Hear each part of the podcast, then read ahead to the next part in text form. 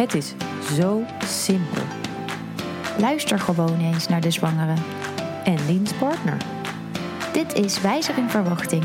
De podcast van Dr. Mama met geboorteverhalen waarin je een echt beeld krijgt van wat de geboorte inhoudt. Voor jou.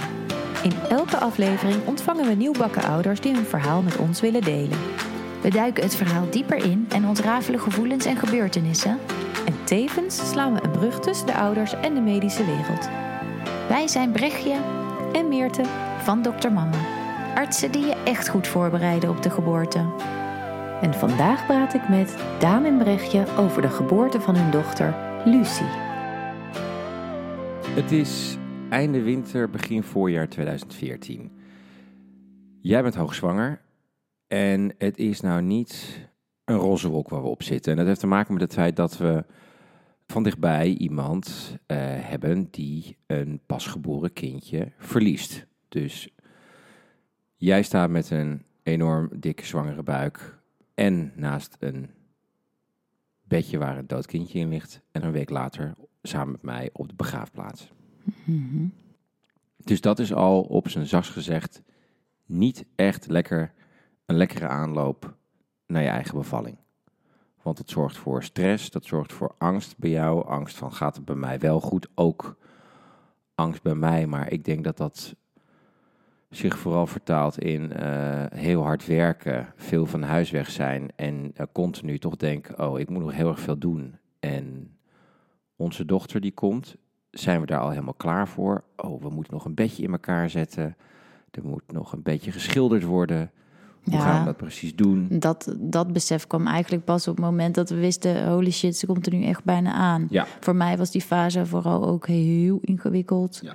Omdat het zo'n ja, zo'n tweedeling in je hoofd is... van enerzijds je aandacht willen geven aan eh, degene die een heel groot verlies heeft geleden... en daar onbeschrijfelijk veel verdriet van heeft. En anderzijds ook een soort van blije verwachting van je eigen kindje... waar, ja, waar een smet op komt. Wat dus... Ja. Hè, Ik durfde niet meer heel goed blij te zijn, maar ik durfde dus ook niet meer heel erg te vertrouwen dat, dat die dingen allemaal zomaar goed komen en een roze wolk zijn. Dus Ja. we gingen daar inderdaad met wel een heel zwaar hart in.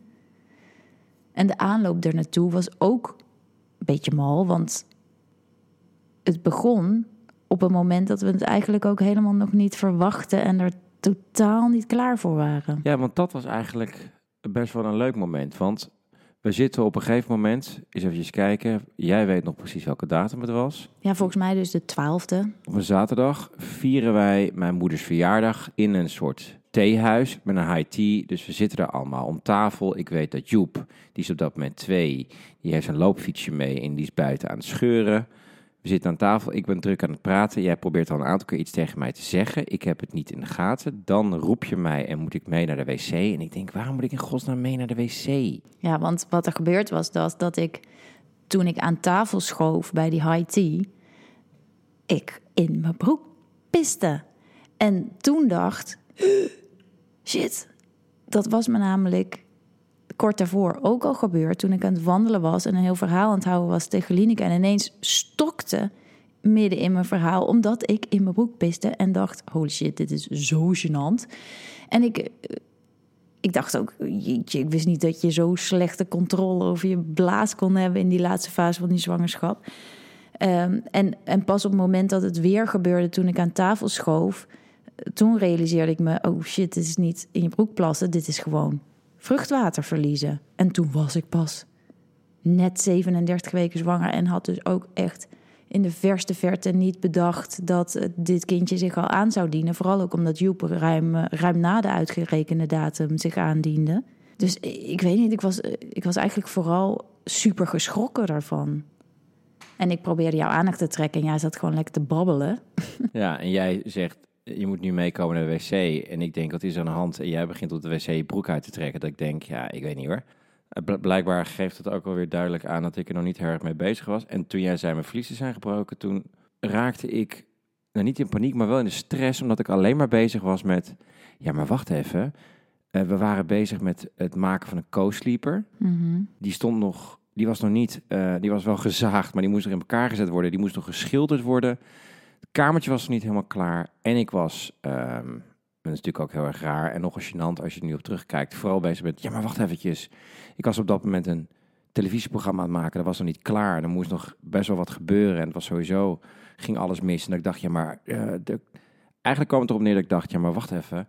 Komt helemaal niet uit nu. Hmm. Dus toen hebben we Joep, nou ja, voor jouw gevoel, gedumpt bij mijn zus. Ja, dat vond ik heel ingewikkeld dat we hem moesten achterlaten. Kan ik me dus niks van herinneren. Ja, Het enige wat ik nog weet is dat we in de auto terug zaten. En dat we zeiden van oké, we moeten dus nog dit, dit, dit, dit en dit doen. maar aan tafel werd het even wereldkundig gemaakt dat mijn vliezen waren gebroken. Toen was er meteen chaos en tumult en iedereen wilde er iets over zeggen. En ik voelde me vooral heel erg verscheurd dat ik dacht, oh, het kan nog niet en wat moet ik nu doen? Ik, ik weet het even niet. En toen hebben we de verloskundige gebeld. Die zei, doe maar een plastic zakje in je onderbroek. Wat ik ook gedaan heb. En kom hier maar even naartoe en kijken of het echt vruchtwater is. En toen hebben we Joepie meegegeven aan jouw zus. En toen zijn we naar de verloskundige gegaan. Die frommelde dat zakje uit mijn onderbroek. En die zei, ja, inderdaad, het is vruchtwater. Maar je hebt nog geen weeën. Ga rustig naar huis. Wacht het maar af. En toen we thuis waren, dachten we... Nee, er Toen zijn we gaan nog schilderen meteen. zoveel gebeuren. Ja, ik weet ook inderdaad dat het toen eh, als een gek, dat ik ook dacht van maar wacht eventjes, nu ruikt straks het hele huis stinkt naar de verf. En dat is chemisch, is dat eigenlijk wel oké. Maar ja, fuck, het moest gewoon gebeuren. Ja. Het ding moest af. Het ding moest af. Maar toen zijn we gaan slapen en toen heb ik die nacht alleen maar gedacht: nee, laat het niet gebeuren. Laat het gewoon niet gebeuren. Ik, ik had het gevoel dat ik met mijn benen stijf tegen elkaar aangedrukt lag om te zorgen dat die bevalling niet op gang zou komen. En toen hebben we de dag daarna al alle shit in orde gemaakt. En de volgende nacht, toen zijn we ook nog naar een controle gegaan en er was alles goed, maar nog steeds geen weeën. Dus weer een nachtje naar huis. En die nacht dacht ik alleen maar: oké, nu zijn we dus blijkbaar klaar. Laat het nu dan maar komen, want anders moet ik dadelijk nog ingeleid worden ook. Daar had ik niet echt trek in. En die dag daarna gebeurde er dus niks. En de derde nacht, nadat we een afspraak hadden gemaakt om de volgende dag ingeleid te worden om 11 uur, toen werd ik s'nachts om 6 uur, nee om 4 uur werd ik wakker. Midden schoot ik wakker omdat ik dacht, "Ugh, ik voel er niet meer. En dat was een soort van de grootste nachtmerrie. Dat ze er ineens niet meer zou zijn, want ja, Maar gelukkig heb ik of een hele rijke fantasie, of ik heb echt heel goed gehoor, omdat ik bij elke geboorte of bij elke zwangerschap meen het hart te kunnen horen. Ja. Dus ik ben toen gelijk gaan luisteren en Ja. ik weet nog wel dat ik toen dat getik, dat, zag je, dat zachte getik hoorde. En Ja, jij deed dan je oor op mijn buik en dan tikte je met je vinger het ritme van de slagen die je hoorde. En daaruit kon ik dan opmaken, is nou dat dit mijn is eigen goed. hartslag of is dat iemand? Ja, precies.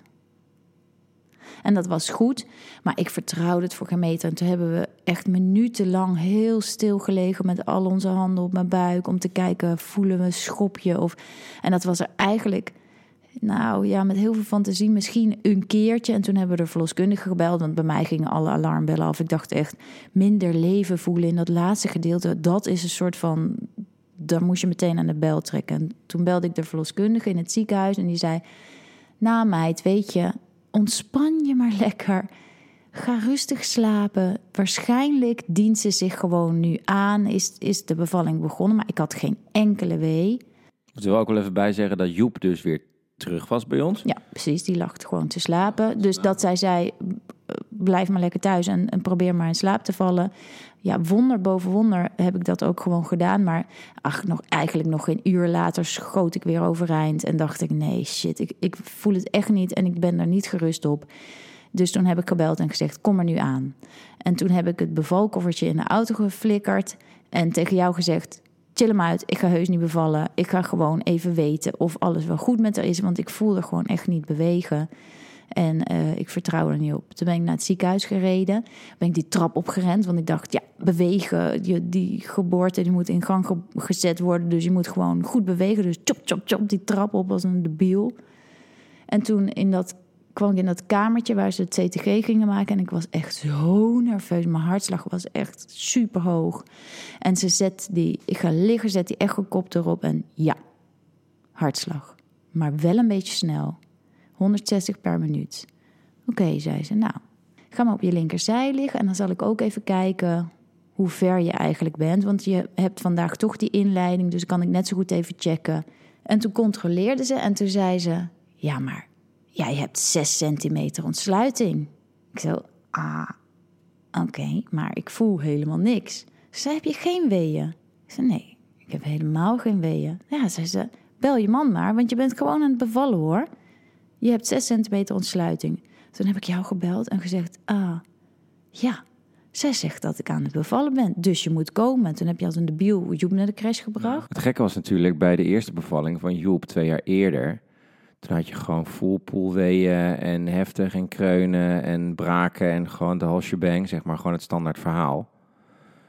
Dus ook toen jij belde van ja, ze zegt dat ik aan het bevallen ben, terwijl je gewoon weggelopen was daarvoor. En inderdaad, zoals je zelf zei, je was nou ja, bij ons de trap afgerend en daar dus een trap opgerend. Dat ik dacht van ja, maar dat is toch, dit is echt totaal, totaal het tegenovergestelde van wat ik, nou ja, gewend was. Ik had pas één keer meegemaakt, maar nou ja, het klopt natuurlijk uh, in, in mijn hele beeldvorming. Mijn referentiekader was, nee, als je bevalt, dat heb ik eerder meegemaakt, dan, uh, dan ben je aan het kreunen en dan lig je en dan sta ik er als soort van uh, mental coach naast en um, noem maar op.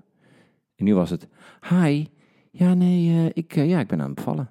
Ja, en toen, toen zei ze, zal ik je vliezen nog even breken? Ik dacht, ja, whatever, doe maar.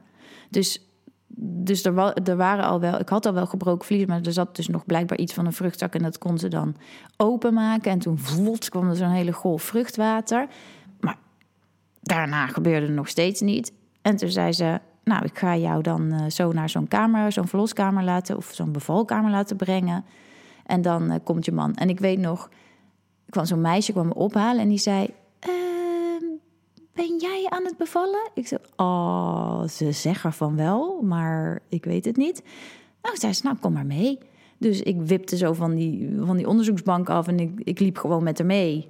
En ze zei, nou, dat ziet er nog vlot uit. En ik ging in dat bed liggen en ik weet ook nog dat jij toen binnenkwam... dat ik volledig aangekleed, ik denk met mijn schoenen nog aan. Ja, nee, in mijn herinnering... Ik kwam die bevalkamer binnen en eh, in, in mijn herinnering zit je, zit je in het bed... Mm inderdaad nog met je laarzen aan en je hebt bij wijze van spreken gewoon nog je handtas op je schoot. Dat had ik. Dat die handtas op schoot. Ik had zo'n zo jurk aan met zo'n strikje zo onder je borsten.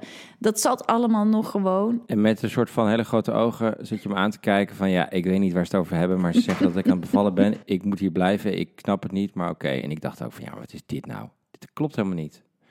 Nee. En toen, uh, toen kwam die verloskundige binnen en wij keken allebei zo naar haar met van die herte ogen van ah, wat nu? En zij keek met dezelfde blik terug van, ja, uh, wat nu? En toen zei ze, ja, hebben jullie spulletjes? Ja, die koffer die had ik in de auto gegooid. Met die... Dextro, met Coca-Cola, met een eerste pakje.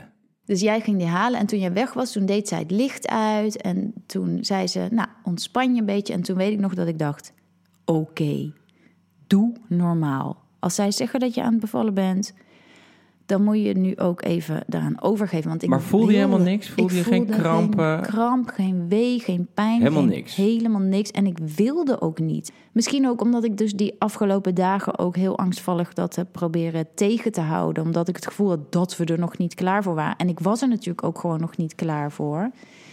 Maar ja, ze zeiden wel, it's happening. Dus get over yourself en doe even je best. En, en de, de debiele was eigenlijk dat op het moment dat ik soort van die beslissing maakte en echt probeerde te ontspannen en te focussen op mezelf en mijn buik en, en de baby daarin, dat ik toen ineens weeën kreeg. Ik kreeg ineens weeën en ze werden ook steeds steviger. En toen was het dus toch spontaan zonder verdere hulp begonnen. Behalve dat breken van de vliezer, wat er natuurlijk prima aan bijgedragen heeft kunnen hebben. Maar echt die knop die omging in mijn hoofd, toen ging het lijf ineens mee aan. Heel bizar. En toen kwamen er weeën. Ja, maar in mijn, in mijn herinnering waren die weeën niet extreem. Nee, helemaal niet. Ik zat ook al op 6 centimeter, dus het was ook nog maar een heel klein stukje dat ik moest gaan. En toen ging ik in het, eh, zeg maar in de bubbel en probeerde ik te ontspannen. En te zuchten op die wee. En toen kwam er nog zo'n kras op de plaat. Want toen zei die verloskundige... Nou meid, als je het zo doet, hou je het niet de hele dag vol hoor. En toen dacht ik... Uh, ik doe het blijkbaar niet goed, maar ik heb geen idee hoe ik het dan moet doen. Dus toen ging ik een beetje zo, zoals je kent van de televisieseries. Nou, dat werkte voor een meter. En, en, maar toch vorderde de ontsluiting. En ik weet niet wat jij aan het doen was. Wat was jij aan het doen? Ik had het gevoel, ik, ik sta erbij en ik kijk ernaar. Ik kan eigenlijk niks doen. Daar waar ik bij de eerste geboorte twee jaar eerder het gevoel had dat ik heel veel kon doen. En eh, waarbij ik jou kon ondersteunen en waarbij ik ook kon aangeven wat je graag wilde en wat je van tevoren had aangegeven dat je graag wilde, kon ik, had ik nu het idee. In mijn herinnering werd er ook heel erg weinig gecommuniceerd. Werd er, werd er weinig verteld en werd er gewoon gedaan. Eh, waarbij ik bij de eerste, misschien ook omdat het de eerste geboorte was, het idee had dat we echt heel lief eh, en zachtaardig werden ontvangen door mensen die zich over ons ontfermden. Had ik hier het idee dat we gewoon naar binnen werden gebracht met het idee, ja, deze verloskamer moet over vier uur wel gewoon weer spik en span zijn, want er staat de volgende. Ehm, Niet dat dat gezegd werd of zo, Nee, maar nee, dat was meer het gevoel van, Ja. nou ja, let's, let's do this en uh, hupsakee. ja, het was niet van we gaan nu wat doen. Nee, het was allemaal, ehm, eh, ja, voor mijn gevoel, eh, onbedoeld hoor, waarschijnlijk, maar toch best wel kil en zakelijk. Hmm. Zonder dat ik dus wist wat ik kon doen. Terwijl ik juist heel, het, idee had, ik wil ook wat doen. En ik wil er, dat was misschien ook, het klinkt misschien een beetje egoïstisch. Ik wilde er ook heel erg graag onderdeel van uitmaken. Juist omdat ik bij de eerste geboorte van Joep heel erg het gevoel had dat ik er echt onderdeel van was. Omdat ik er veel, omdat ik veel kon doen. Mhm. Eh, was het nu, ik wil, er, ik wil erbij horen, ik wil ook iets doen. Nee, ik zit eigenlijk gewoon op de eerste rij, maar wel als toeschouwer. Voor mij voelde je wel als een steun en ik moet ineens denken dat ik moest dus midden in die weeën ineens naar de wc. Dus ik zei tegen jou, dude, ik moet poepen. En toen liep jij met mij mee en toen kwam die verloskundige weer binnen en die zei, wat ga je doen, wat ga je doen, wat ga je doen? En die liep dus achter mij aan die play in. En ik moest gewoon kakken. Dus ik, ik ging op die wc zitten, de deur stond open, ze stond gewoon met haar neus bovenop me. En toen, ja, ging ik dus poepen. En binnen no time was die ruimte gevuld met mijn stink. En toen zei ze, eh, oh, je moet echt poepen. Ik denk dat zij dacht, oh, oh, dat kind dat valt er niet uit. Nou nee, dus toen zat ik de deur open te kakken. Oh my god, vreselijk. En daarna ging ik weer terug in dat bed. En dan ging ik dus maar weer zo'n beetje met mijn bange hertenogen... een beetje om me heen kijken en denken... ademen door die weeën heen. En toen, oh, toen ineens zei ze... nou, je hebt 10 centimeter ontsluiting. Nu mag je gewoon persen. Ik dacht echt... Joe. Ja, dat vind, dat vind ik ook raar, dat er dus niet... ehm, het is gewoon, oké, 10 centimeter ontsluiting, dat betekent persen, dus je moet gaan persen. In plaats van, je hebt 10 centi- ons- centimeter ontsluiting, hoe voel je je? Heb je al behoefte? Het is gewoon, nou, dat zakelijke van, oké, A is B, dus in jouw geval is nu ook AB, dus dan gaan we B doen.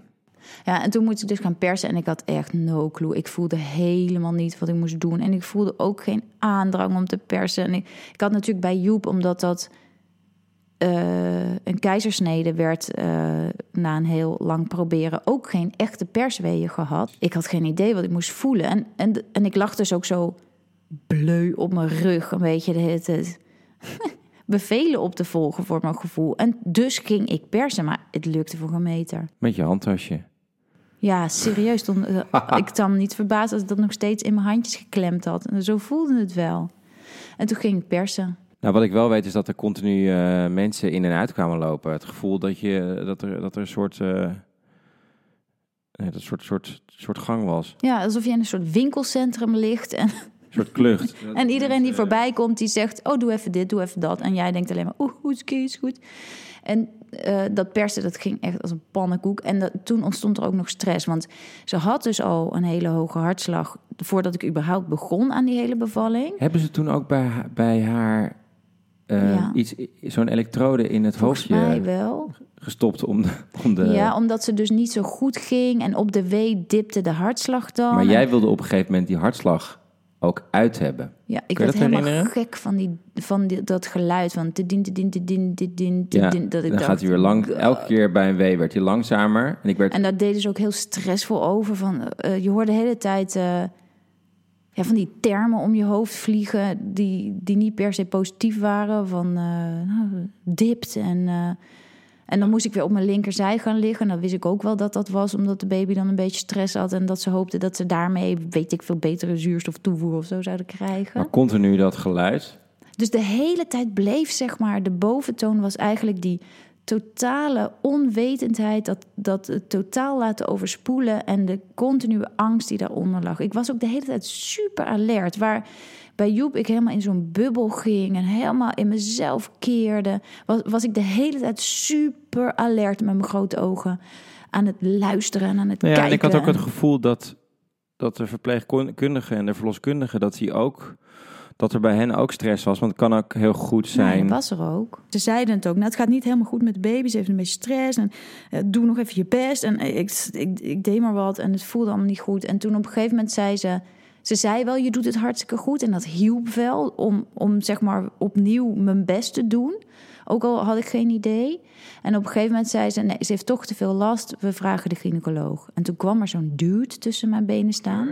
Ik weet dat hij verscheen tussen mijn benen. En mijn blik was helemaal vernauwd, zeg maar. Ik zag alleen maar de man. McDreamy. Een soort van McDreamy, want ik keek in zijn ogen. Ik weet dat hij hele blauwe ogen had. En dat ik toen wel weer dat gevoel kreeg van...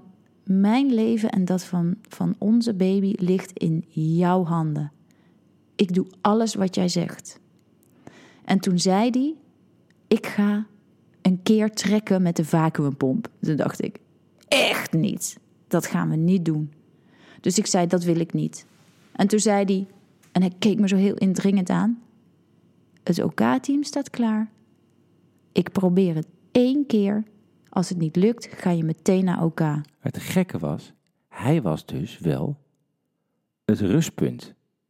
Want ik had namelijk echt het idee toen hij binnenkwam, met zijn witte fladderende jas. Ja, en misschien dat ik dan gewoon heel erg hang aan autoriteit in witte jassen. dat ik dacht, en ook dat hij inderdaad, want ik weet ook heel goed dat hij jou aankeek en dat hij ook tegen mij, dat hij op een, een of andere manier autoritair, maar wel geruststellend was Mm, van, ja. geen zorgen, we gaan het regelen. Maar dat klopt. En, da- en toen dacht ik, oké, we gaan het doen. Want ik, ik had een soort gevoel van, ik vertrouw jou. Dat ik, ik vertrouw dat je, dat, dat je het beste met mij voor hebt. En dat ik in goede handen ben. Maar vervolgens frotte die een soort wc-ontstopper bij me naar binnen. En dat deed zeer. En toen zei hij, duw tegen de pijn, pers tegen de pijn. En, en vanaf dat moment raakte ik eigenlijk een soort losgezongen van mijn eigen lichaam. Ik, ik, ik- zeg maar, de verhoudingen veranderden. Het voelde alsof, alsof dat gebied echt kilometers van me afstond. En dat dat ook niet meer, dat ik daar geen zeggenschap meer over had. Omdat alles zo zeer deed en zo rauw was. Ja, maar dat was ook, oké, ik zeg wel eventjes, hij was het stralende rustpunt. En we hebben ons, hè, met, we we hebben ons lot in zijn handen gelegd, want dat wilden we graag. Maar toen kwam hij inderdaad met dat, nou, het was gewoon een soort middeleeuws marteltuig. Er zat volgens mij echt een soort ketting aan, waarmee hij kon trekken. Ja. Het was al net niet dat hij hem uit het raam hing en, en, en aan de trekhaak van zijn auto vastmaakte om hem uit te trekken. Nee, maar dat was echt, Dat is echt bruut. Ja, Dat is best wel brutig. En toen, toen zei ze, we gaan ook knip zetten om ruimte te maken. En dat, werd eerst verdoofd. Dat, dat vond ik al super nasty. En toen knipte ze en dat, dat, was vooral, dat deed geen pijn, maar dat was vooral een heel goor geluid. En toen ging die trekken, nou alsof die me uit elkaar trok. Echt alsof die mijn onderlijf van mijn bovenlijf... En ik weet ook nog dat ik voor mijn gevoel zeg maar achteruit kroop in dat bed. Dat ik dus zeg maar afzette met mijn voeten om, om ervan weg te komen. Terwijl ik zat aan de, die, aan de dude met, de, met die ketting vast. Zo, dat was naar. En toen trok hij en toen, weet ik niet, toen, toen zat de navelstreng. Ja, toen trok hij en toen zag ik, eh toen kwam Lucie er inderdaad zo uit en toen kwam het hoofd eruit. Alleen toen was er paniek en toen zie ik hem, ik, ik zie hem echt nog, nou ja, ik heb het idee dat hij zelf ook, ja, hij zal het geen paniek noemen, maar gewoon hands-on mentaliteit, maar heel snel en enorm aan prutsen, omdat die navelstreng echt heel strak, voor mijn gevoel heel strak om de nekje, nekje zat en dat hij er echt nou ja, er overheen, over dat hoofdje heen moest zien te krijgen. Dat ik ook dacht, holy shit. Nou, en toen had hij dat gedaan. En toen was ze eruit. En dat moment, zeg maar, dat ze eruit was. Ik weet dat ze super zielig keek. Dat ze zo'n heel zo'n pruillippie had als zo'n kind wat net gaat huilen, maar ze huilde niet. Ze keek alleen maar heel soort van mm, zielig. En, en ik, vond, ik, ik vond het allemaal zo bruut gegaan. Dat, ja, ik weet niet. Ik, dat hele stuk van die navelstreng onder nek en zo, dat heb ik helemaal niet meegekregen. Ik was ondertussen zo'n beetje in die andere kamer Ja. gekropen. maar serieus. Het leek wel alsof ik er niet was. En toen duurde het ook nog heel lang, want toen werd ze op mij gelegd, maar toen bewoog ze bijna niet en ze huilde niet. En ik dacht, gaat het wel goed? Gaat het wel goed? Maar ik was zo losgezongen van mezelf dat ik, ja, dat het ook een soort van Twilight-achtige sensatie was, dat ik niet echt helemaal daar was. En toen heb ik er op een gegeven moment aan jou gegeven.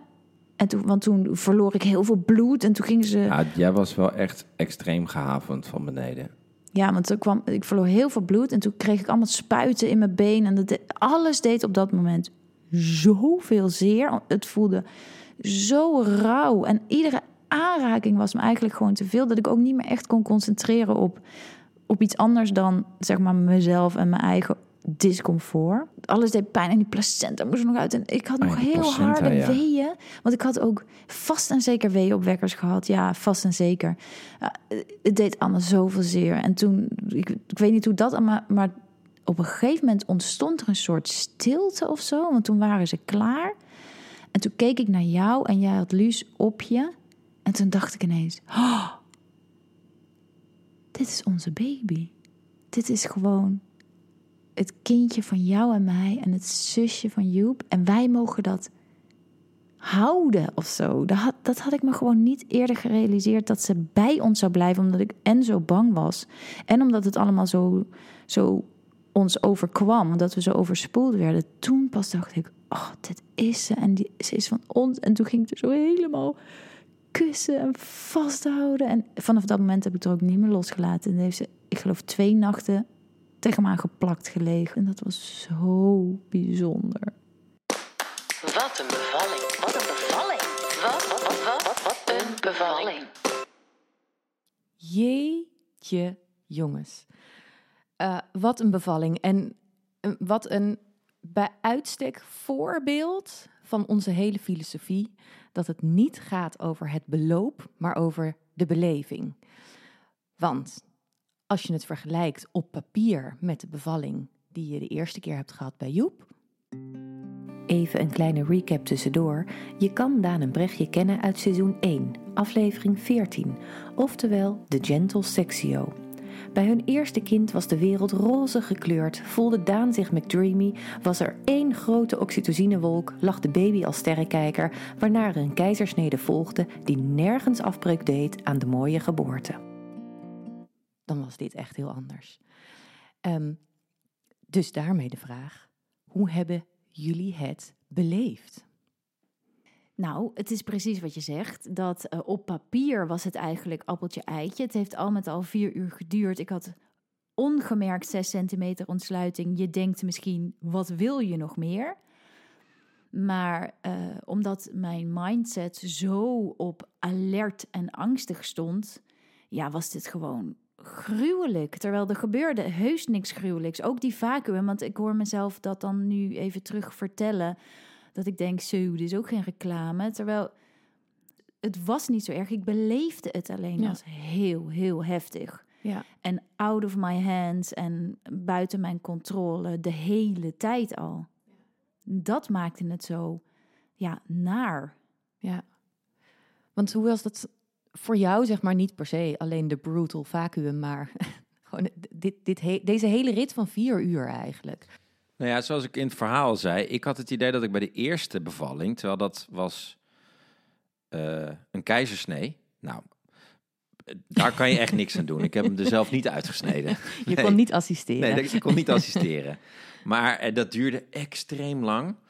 Dus in dat, in dat voortraject, want daar zijn ook nog eh, weeën geweest en noem maar op. En zijn we op een gegeven moment ook nog naar een ander ziekenhuis gegaan, omdat er geen plek was. Nou, Ja. dan kon ik in ieder geval heel erg veel doen.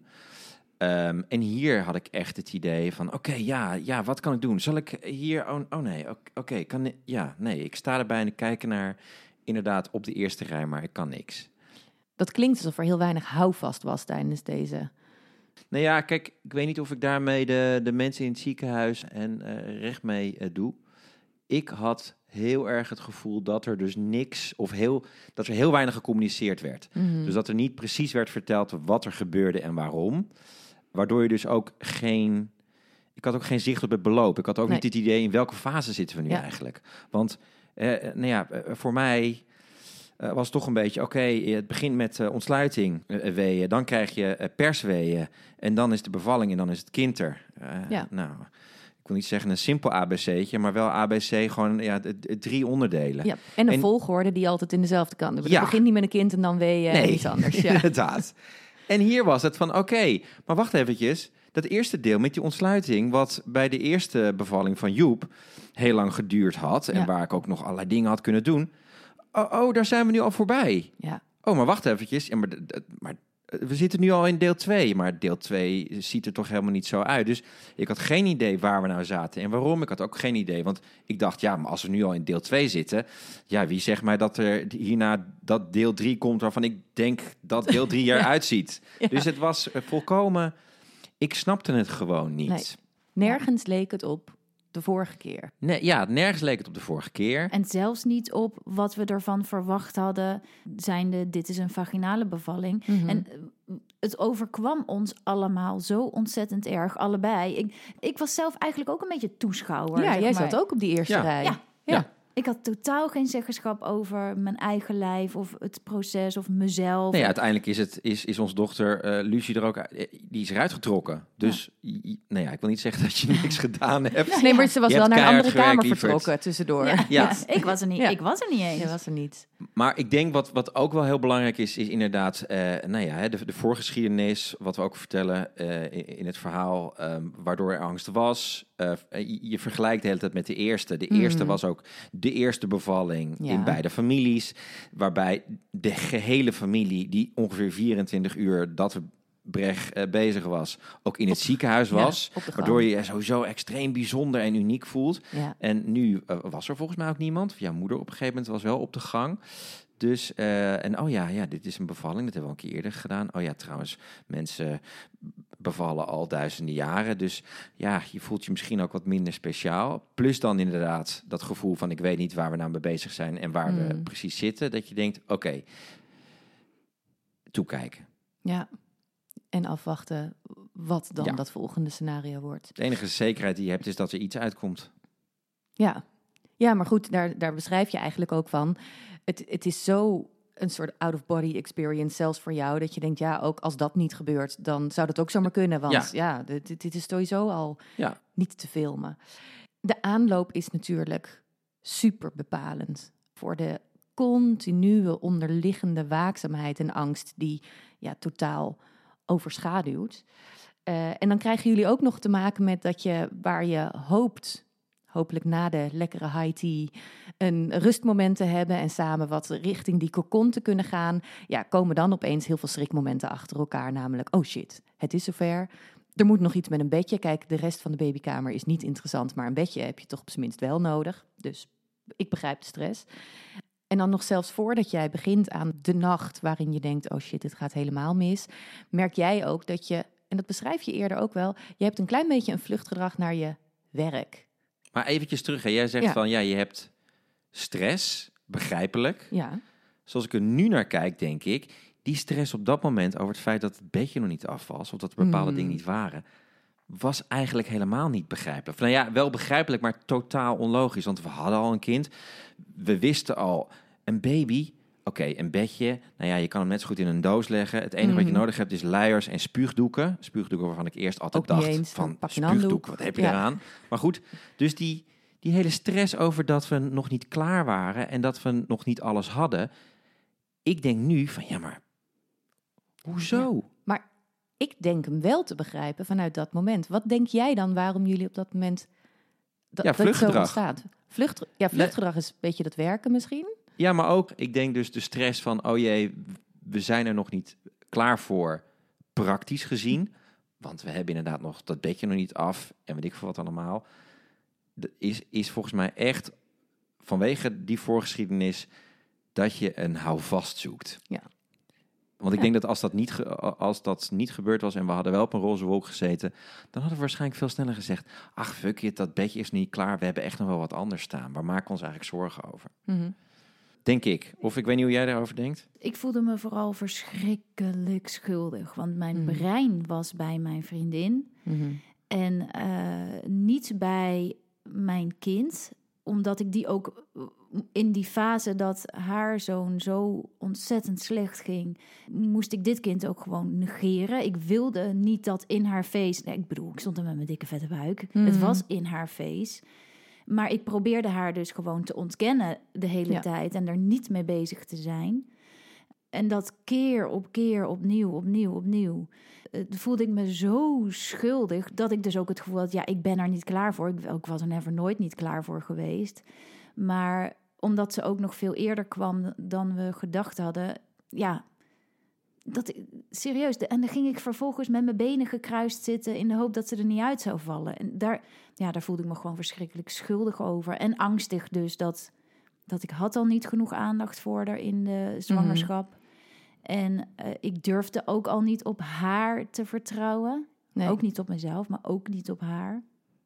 Nee, en dan stond het grote werk nog te gebeuren. Ik bedoel, dat komt, je hebt ook geen ruimte gehad om daar nog vertrouwen in terug te winnen. Al zeg je, waarschijnlijk was dat in die periode nooit teruggekomen.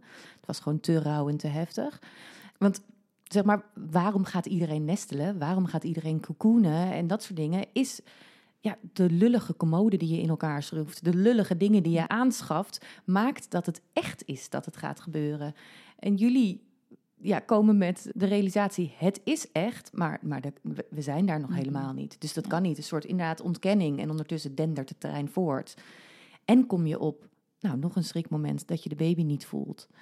Waarop de verloskundige zegt, vind ik wel interessant, ehm, ontspan je nou maar. Ik denk dat ze bezig is en begonnen is. Ja, ik, ik zou zeggen, kom nu naar het ziekenhuis, we laten we een CTG maken. Ja. Dat, zou Ja, mijn, echt. dat zou echt meteen mijn reactie zijn. Ja. Ehm, maar nu ik dat hoorde en ze dus zei, ik denk dat ze begonnen is aan de bevalling, denk ik, zou ze toch gelijk hebben gehad? Eh, Goeie vraag. Ik heb het me ook afgevraagd. Maar ik vind het dus ook zo intens dat je, je brein zo sterk is. Mhm. Dat hij dus gewoon door ontkenning dat hele fysieke stuk Ja. niet ervaart. Dat is toch It's crazy. bizar. Dat is echt crazy. En zo. Nou, misschien dat je nu ook begrijpt dat er dus eh, vrouwen zijn die dan niet weten dat ze zwanger zijn en dan per ongeluk bevallen. Dat, Daar kan ik me echt Dat? niks bij voorstellen. Nou ja, en, en degene die, die dat overkomt, die hebben wel op een gegeven moment gewoon onwijze buikpijn. En dan komt natuurlijk de super shocker. Maar Ja. het komt wel misschien ook overeen met mensen die wel weten dat ze zwanger zijn, maar dat het absoluut niet mag. Omdat je, weet ik veel, Mhm. jong bent, 16 en op je high school prom Ja. Op de wc aan het bevallen bent. Dan Ja. is het belangrijker dat je niet gehoord wordt of niet ontdekt wordt, dan dat die pijn Mhm. aanwezig is. En dan merk je Mhm. inderdaad heel erg dat mentale stuk, dat een andere angst overneemt. Mhm. Dat wat andere vrouwen wel allemaal ervaren met... joe, deze pijn is intens en hier ontstaat van alles.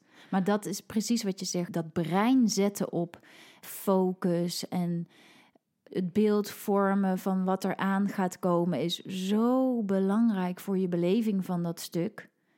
Enerzijds. En anderzijds dus, als het brein niet meedoet, kun je het hele proces ook gewoon Ja. Ja. ignoren. Heel. Nou ja, Ja. zeg maar Daan. Heb jij het idee dat we misschien dat we er goed aan zouden hebben gedaan om het van tevoren, ondanks de lastige emotionele periode waarin we zaten, het dus toch hadden moeten hebben, ook praktisch over de bevalling? Want bij onze eerste, bij Joep, hebben we dat Mhm. gedaan. Hebben we een aantal eh, beslissingen genomen. Oké, we willen niet thuis bevallen, we willen Mhm. sowieso naar het ziekenhuis. Nou, ehm, dat heeft toen ook goed uitgepakt. Daar hebben we ons toen ook aan gehouden. Wa- Wat ook een soort leidraad was, dat hebben we hier niet gedaan. Nou ja, Ja. Ik vind het bijna interessanter als jij straks ook die vraag beantwoordt. Want ik denk dat het jou heel veel houvast had gegeven. Nou ja, het is misschien ook een beetje een vraag aan mezelf. ik interview mezelf de heel interviewer graag. stelt gewoon geen goede vragen. Ehm, ja, ik denk ik gooi me op, want jij komt er niet mee. Als ik terugkijk op de voorbereiding van de bevalling, denk ik dat er eigenlijk voor mij helemaal geen voorbereiding is geweest. Mhm. En dat ik dat in retrospectief heb gemist. Waar bij Joep, onze eerste, hadden we een duidelijk plan. een, nou ja, een bevalplan. Dat klinkt eh, e- enorm Mhm. complex en uitgebreid. Maar meer, we willen in het ziekenhuis bevallen en niet thuis. Daar, daar hebben we ons ook aan gehouden. Er was een moment dat Brecht zei eh, bij Joep, oh, zullen we thuis blijven? Dat ik zei, nee, we hebben afgesproken dat we naar het ziekenhuis gaan. Dus in ieder geval, dan ben je in de lead en heb je het gevoel dat je controle hebt. Bij Lucie, bij de tweede, hebben we dat totaal niet gedaan. Waardoor er inderdaad ook niks was waar ik me aan vast had kunnen houden. Überhaupt, hè, we hebben het erover, die bevalling, die, die, die hebben we ondergaan. Want ik zat te denken, stel je voor dat ze een week later was gekomen. Was het dan anders gegaan? Ik denk het niet, omdat Mhm. we dus nooit in praktische zin hebben gesproken over die bevalling. Nee. Omdat ik eh, gevlucht was in mijn werk en het kwam allemaal niet uit. Dat dat een grote fout is geweest. Hmm. En Ja. dat, weet je, nou ja, jullie weten alles van, een bevalplan. Het is niet een script waar je aan moet houden. Hè? Ik hou me ook vaak niet aan het script, zoals in dit geval ook een beetje. Ehm, maar je hebt in ieder geval een leidraad Ja. waar je van kan afwijken. Maar nu heb je niks, dus je Nee. kan nergens van afwijken en je kan je ook nergens aan vasthouden. Nee, en je kan dus ook bijna de verbinding niet meer vinden, omdat het ook nergens op lijkt. Want het heeft geen herinneringen voldoende Nee. opgeroepen aan de vorige keer. Dat je denkt, oh, maar dan gaan we dat doen. Dan ga ik je weer op dat krukje onder die douche Ja. zetten. En dan gaan we daar lekker een bubbel van creëren. Nee. Nee, absoluut. En dat, dat hele tantrische gelul van, ja, maar dan moet je jezelf overgeven eraan. Mhm. Nee, dat, moet je niet doen. Nou ja, je, je moet, nee, dat moet je wel doen, maar dat kan pas als je inderdaad gewoon überhaupt een blauwdruk, een script in je Ja. hoofd hebt van zo zou het Ja. kunnen gaan. Ja, want je hebt op een gegeven moment dat je jezelf toespreekt en zegt: Oké, ga je nou maar overgeven. Cut the crap. En dan begin je wel het te voelen. Mhm. Waarin je volgens mij al heel goed al hebt onderschreven, dat is dus allemaal hoofdwerk, allemaal mind. En dan vraag ik me af in de rest van het verhaal, die weeën, dat zeg jij Daan, worden toch nooit zoals je ze eerder hebt herkend. Heb je ergens een moment despair gehad qua weeën? Dus dat je dacht, nee, dat gaat nu zo hard, ik weet het niet meer.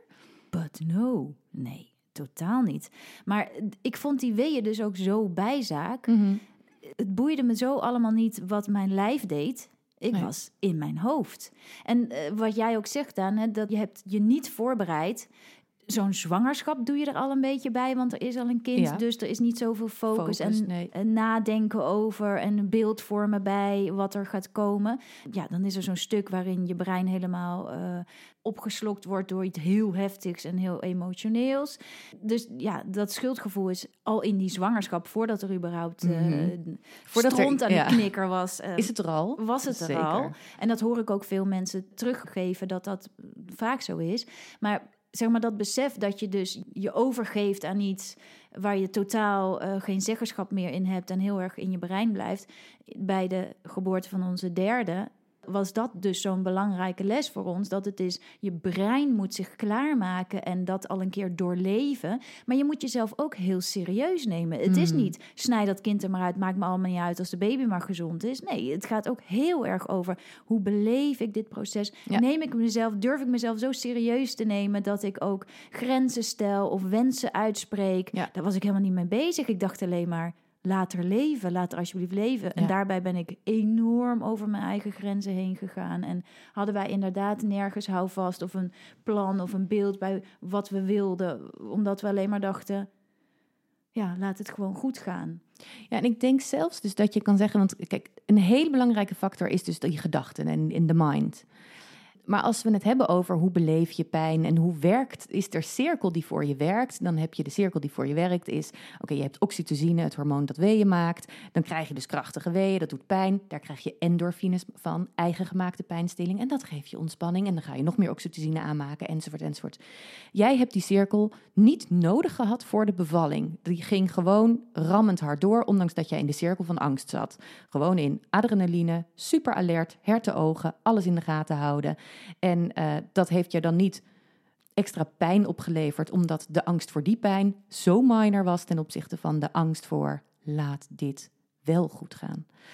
Wat ik daar bijzonder ook aan vind, is dat je eigenlijk nu net ook zelf beschrijft, ondanks dat het voor die bevalling niet uitmaakt, want het kind kwam er gewoon, was het wel nodig voor jouw transitie en misschien wel voor jullie transitie, omdat er dus niks ontstond. Er was geen bubbel, er was geen oxytocine, er kwam geen liefde. Jullie waren in het winkelcentrum op de gang aan het bevallen en de klapdeuren gingen open. En wat doen we hier eigenlijk? Een soort slechte film waar je allebei zit.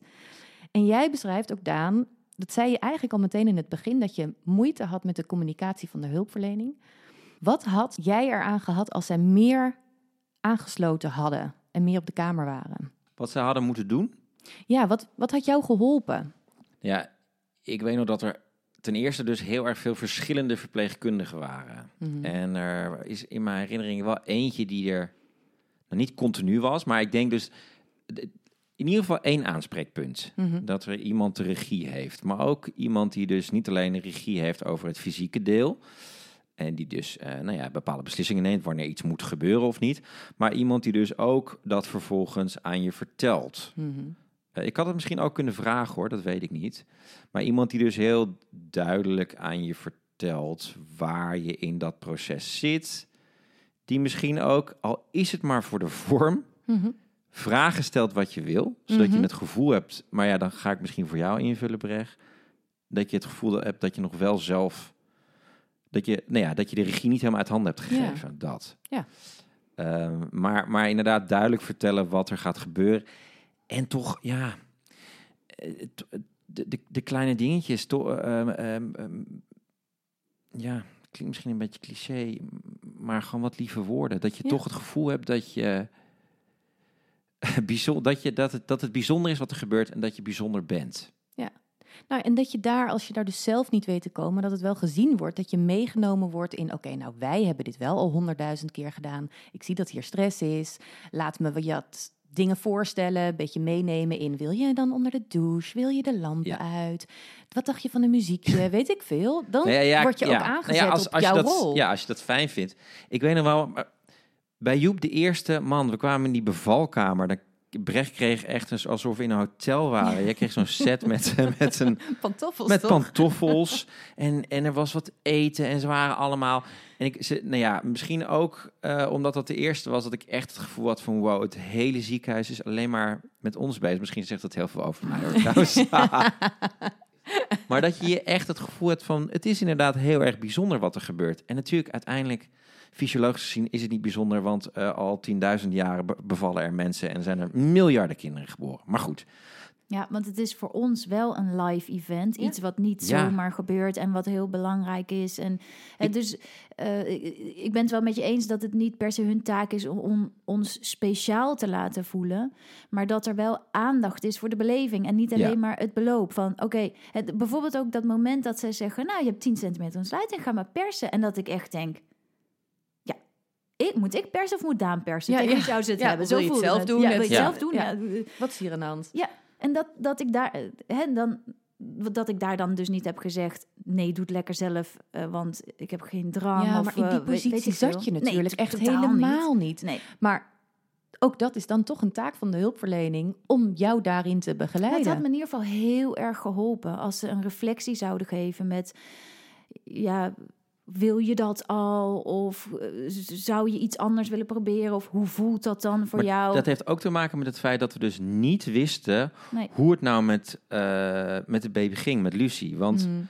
eh, we hoorden dus de hele tijd hoorden we dan die, die hartslag, die ging omhoog en dan ging die weer een beetje naar beneden. En op een gegeven moment hebben ze het geluid uitgezet, want we werden er knettergek van. Die was Mhm. alleen maar bezig met, oké, hoe is die hartslag? Ja. Maar ook dat, eh, nou ja, helemaal aan het einde van het traject, dat eh dokter van boven, zo heette die volgens mij, zei, er staat een OK-team klaar. Dat ik dacht, maar wacht eventjes, is het dan zo ernstig? Ja. Dat wist ik niet. Nee. Dus koek- eh, ja, voor mijn gevoel had ik het. Ik had het heel fijn gevonden als het dus al duidelijker was geweest. eh nou jongens, we, we weten niet of, ze het, of het wel goed met haar gaat. Of Ja. nou, het gaat nu goed met haar, maar af en toe heeft ze even een terugvalletje. Even. Nee. Maar ze waren wel uiteindelijk. Was er, voor, was er paniek?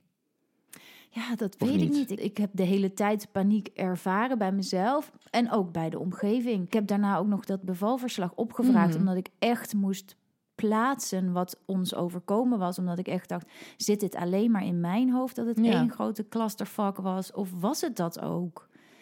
En kon je daar iets uit herleiden?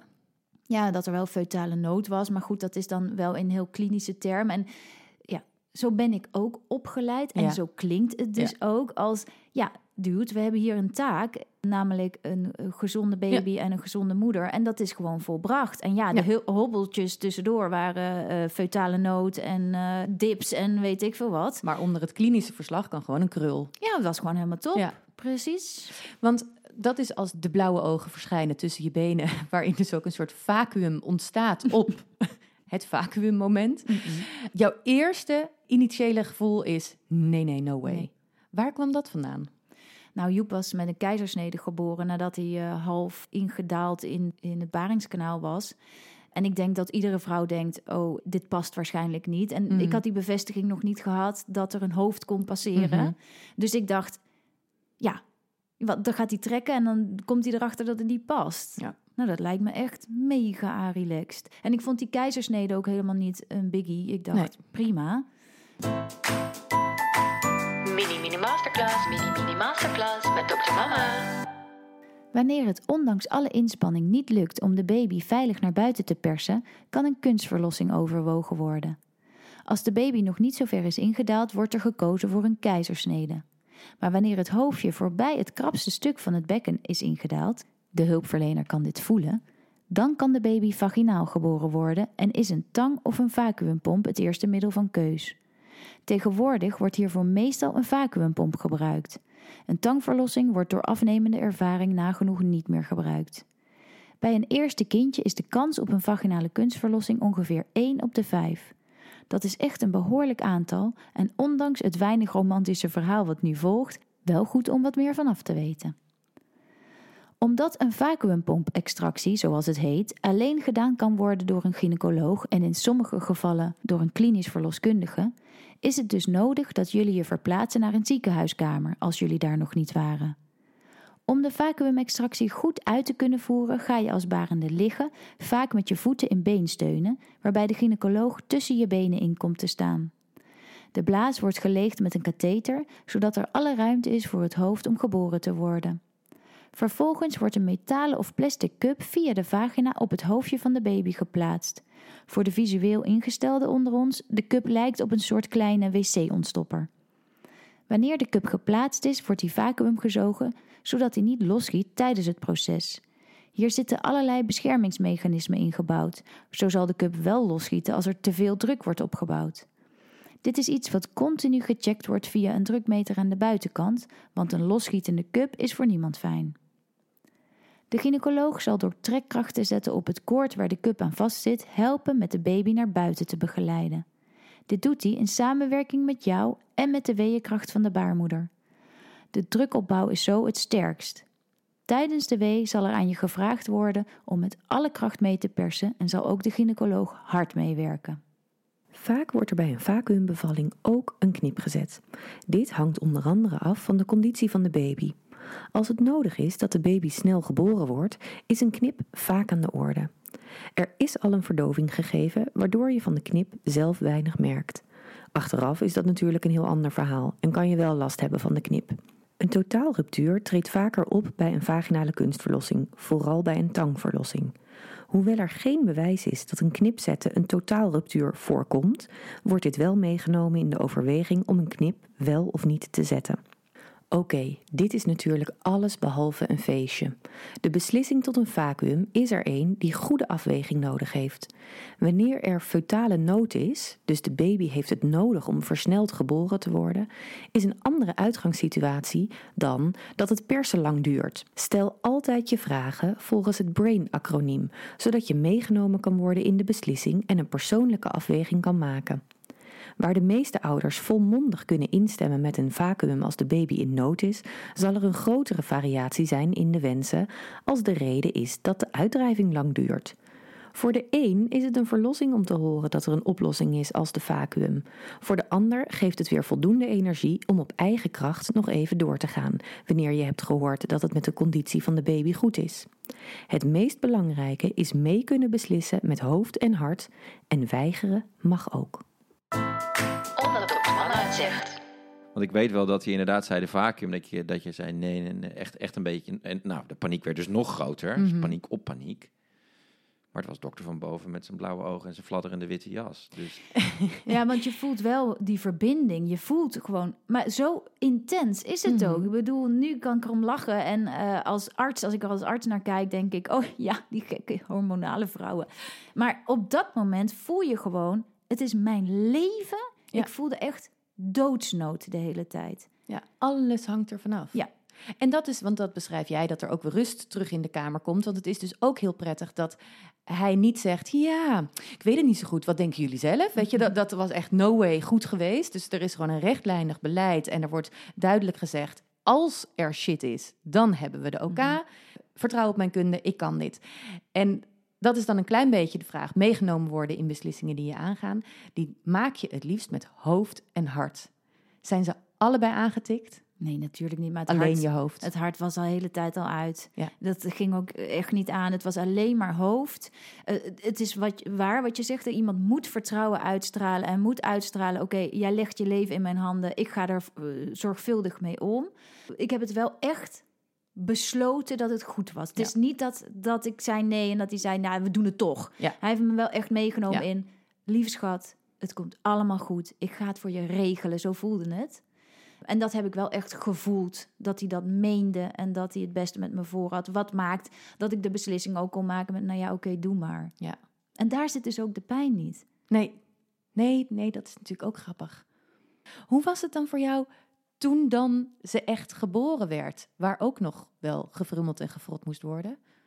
Nou ja, die geboorte was dus wel even het meest spannende moment. En ook hetgene wat ik het beste voor de geest kan halen. En echt nog zie is dat, hij, dat het hoofdje eruit was. En dat er dus een navelstreng heel strak Mm. om het nekje zat. En dat hij echt heel enorm aan het klooien was en snel. En ik, nou ja, waarschijnlijk had hij geen paniek, maar dit moet, dit moet goed gebeuren.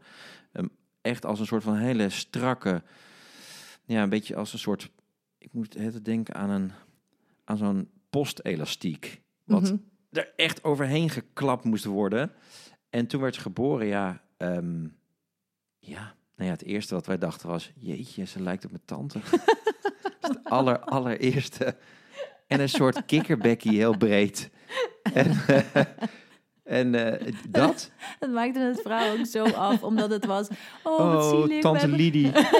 We hebben geen aandacht voor haar. En oh, wat heeft ze het zwaar. En ze keek dus ook heel zielig. En toen, oh mijn god, en ze lijkt ook nog op tante Lidie. Oh. Toen ging het Oh, luikje pas echt Ja. open onder je voeten. Oh. Maar dat was wel, ja, het was wel gewoon inderdaad ontlading. En dat je, dat had ik bij de eerste ook, bij Joep.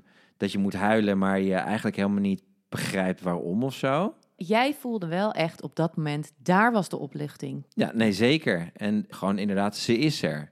Maar ook wel meteen weer dat, dat Brecher gewoon niet goed aan toe was. Mhm. Waar, waar de opluchting aan één kant is, ben jij echt door de muur naar een andere kamer gegaan. En van de eerste rij naar, nou ja, ik rij achter in de zaal gaan zitten. En dan beschrijf je ook, er zijn bloedingen. Ik zelf ben er niet bij. Ik kan me eigenlijk nergens goed op focussen. Er is één grote storm aan de hand en alle prikken die er zijn, alles doet pijn en alles is rauw. En ik denk dat dat ook heel erg ligt op geen endorfines hebben aangemaakt, omdat je in een andere cirkel zat. En dan opeens gaat die storm liggen en kom je heel langzaam terug. En in het hele verhaal is dat volgens mij het eerste moment waarin je echt weer een klein Mhm. beetje bij je hart kan. Dat moest van ver komen. En dat, dat is precies wat je beschrijft. Hè? Door al het gedoe eromheen. En vooral de intense pijn. En dus de focus op jezelf. Want je zou verwachten. Als je nou de hele tijd zo bang zit te wezen. dat het slecht gaat met de Mhm. baby. En ze wordt geboren. Nou, nou hè, taak volbracht. Maar ik kon dat dus niet voelen. Ik dacht alleen maar. Ja, wat de hel is me overkomen? En natuurlijk in je brein denk je wel, oh gelukkig. Maar er was nog veel te veel gaande. En wat heel helend is geweest, is dat dat moment wel kwam van die absolute stilte, waarin je ineens denkt, oh, ze is er en ze is van ons en ze blijft. En ik mag dus ook, klinkt een beetje raar, maar ik mag alles doen met haar wat ik wil. Want bij Ja. Joep, dat was een keizersnede, die heb ik de eerste anderhalf uur überhaupt niet gezien. Nee. Dat dat bij Luus wel was, dat heeft me wel heel goed gedaan achteraf om het verhaal ja, goed af te ronden. Ja. Dat zij er was en bleef en dat ik er dus mocht pakken en aanraken en op me leggen. En ja, dat, dat was wel, godzijdank ontstond dat. En dat hele eerste contact, dat is wel echt heel helend geweest. Ja, alleen wat je zegt over we hebben het goed af kunnen sluiten, voor mijn gevoel, hebben we pas Mhm. dit geboorteverhaal goed af kunnen sluiten. En ehm, eigenlijk, in aanloop naar de derde bevalling. Ja. Omdat eigenlijk op dat moment, omdat we toen wisten van oké, we gaan, er komt nog een bevalling aan. Ja, Dit moet een andere bevalling worden dan eh, de tweede. Wat is daar fout gegaan? Wat moeten we daarmee? Toen pas zijn we er voor echt goed ingedoken en hebben we er ook met iemand over gesproken, met ehm, Zo'n coach van het ziekenhuis. een soort coach van het Ja. ziekenhuis. Waardoor we eigenlijk zonder eh, nou ja, hè, ehm, een loopje te nemen met de feiten en het, het daadwerkelijk beloop, Mhm. maar hebben we het wel, hebben we het verhaal toch anders kunnen inkleuren. Ja. En is het geen verhaal meer van treurigheid, waar een toch een soort van eh, angst voor de dood omheen hangt. En vooral ook een continu dus een ehm, gevoel van schaamte Mhm. en medelijden richting Lucie Mhm. is dat een verhaal geworden. Een hele heftige periode. En een behoorlijk eh, heftige bevalling. Maar dat kleine meisje heeft dat dus allemaal doorstaan. ja. En heeft daar geen last van gehad. En heeft daarmee dus laten zien hoe enorm weerbaar ze was. Ja. Eh, Ja. Maar dat, dat heeft dus echt heel lang geduurd. Het verhaal kleurt zich wel met de jaren. En Ja. het gaat dus niet alleen maar zozeer om het eerste verhaal... wat je op dat moment, de seconde daarna jezelf vertelt. Ja. Ja, nou ja, ik, ik denk dat het ook inderdaad echt altijd pas in retrospect is dat je kan kijken naar. Maar dat is voor mij, dit is voor mij wel het belangrijkste punt eigenlijk. Als ik het heb over, over inderdaad eh, bevallingen en het gaat niet om het beloop, maar om de ervaring, is het in mijn geval zo, en ik weet niet of ik dan ook voor jou spreek, die de echte de ervaring of zoals die eh, had moeten zijn en dus ook is, Mhm. is pas na twee jaar gekomen toen we dat zijn gaan evalueren en opnieuw zijn gaan inkleuren van wat is er nou precies gebeurd. Nee, maar het is dan dus vooral je eigen verhaal. Want zij is vanaf het begin begonnen met het inkleuren en het aanvullen van... oké, ik ga jullie hart weer heel maken. Maar dat heeft dan dus wel heel lang Ja. moeten duren. Ook omdat je, ja, hoe, hoe meer een baby groot wordt, hoe meer feedback je krijgt. En dan, eh, ja, godzijdank heb je natuurlijk ook een beetje de tijd heelt alle wonden. Het gaat een klein beetje weg, maar jullie hebben ook nog een keer echt de moeite genomen... om het terug op te zoeken, uit te pluizen en... eh, ja, voor jezelf een net andere lading eraan te hangen, waardoor het, waardoor het nu klopt. Ja, maar is het toch een beetje zoals ze zeggen: het leven wordt voorwaarts geleefd en achterwaarts begrepen. Een brug tussen de ouders en de medische wereld, die gebouwd is op vier pijlers. Hoe symbolisch wil je het hebben? Om tevreden terug te kunnen kijken op die bevalling, heb je de basis nodig van vier pijlers. En heel stiekem denk ik dat er bij jullie aan geen één pijler voldaan is. Want je beschrijft wel dat je er heel veel aan hebt gehad dat Daan er was, maar jullie waren allebei niet onderdeel van de bevalling. Jullie zaten op de eerste rij en daarmee was er geen continue ondersteuning, maar ook dus vooral niet van de hulpverlening, want die had hier echt een glansrol kunnen spelen. Want wij noemen de continue ondersteuning altijd dat doet de partner en die gaat zorgen dat jij je helemaal veilig en geborgen voelt.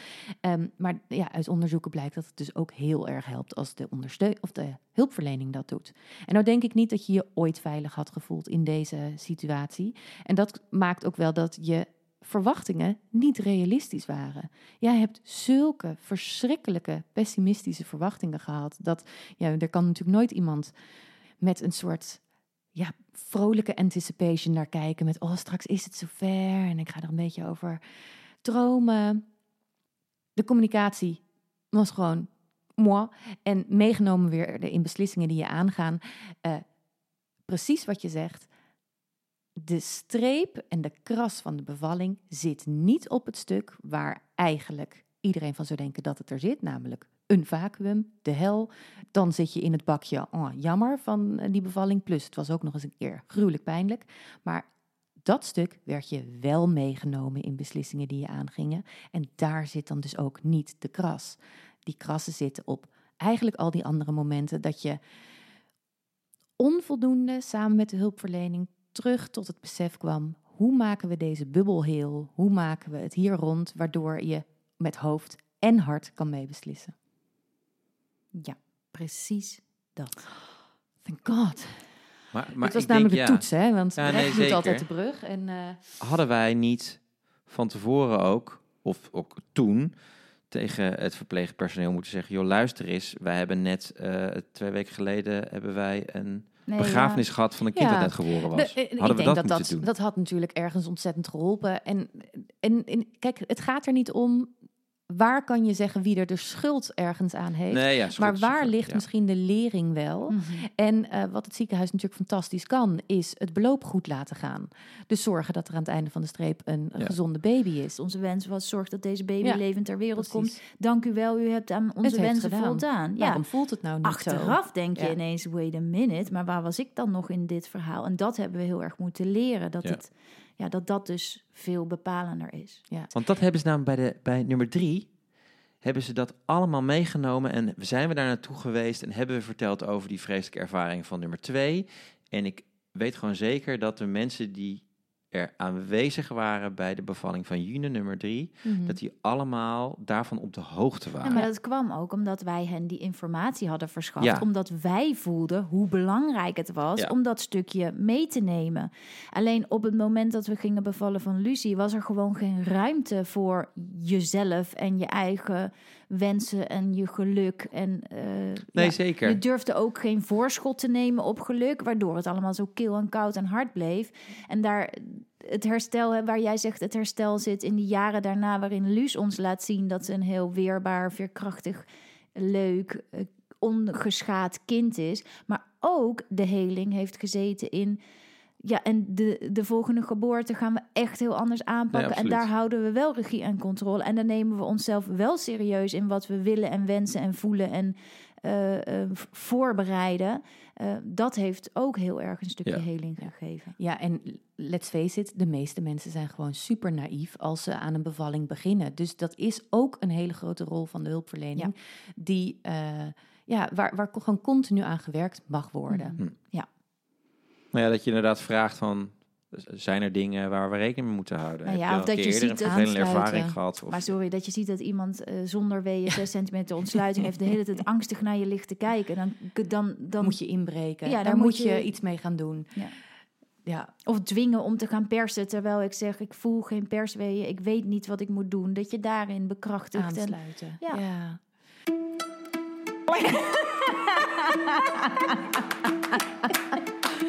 Later lachen we erom.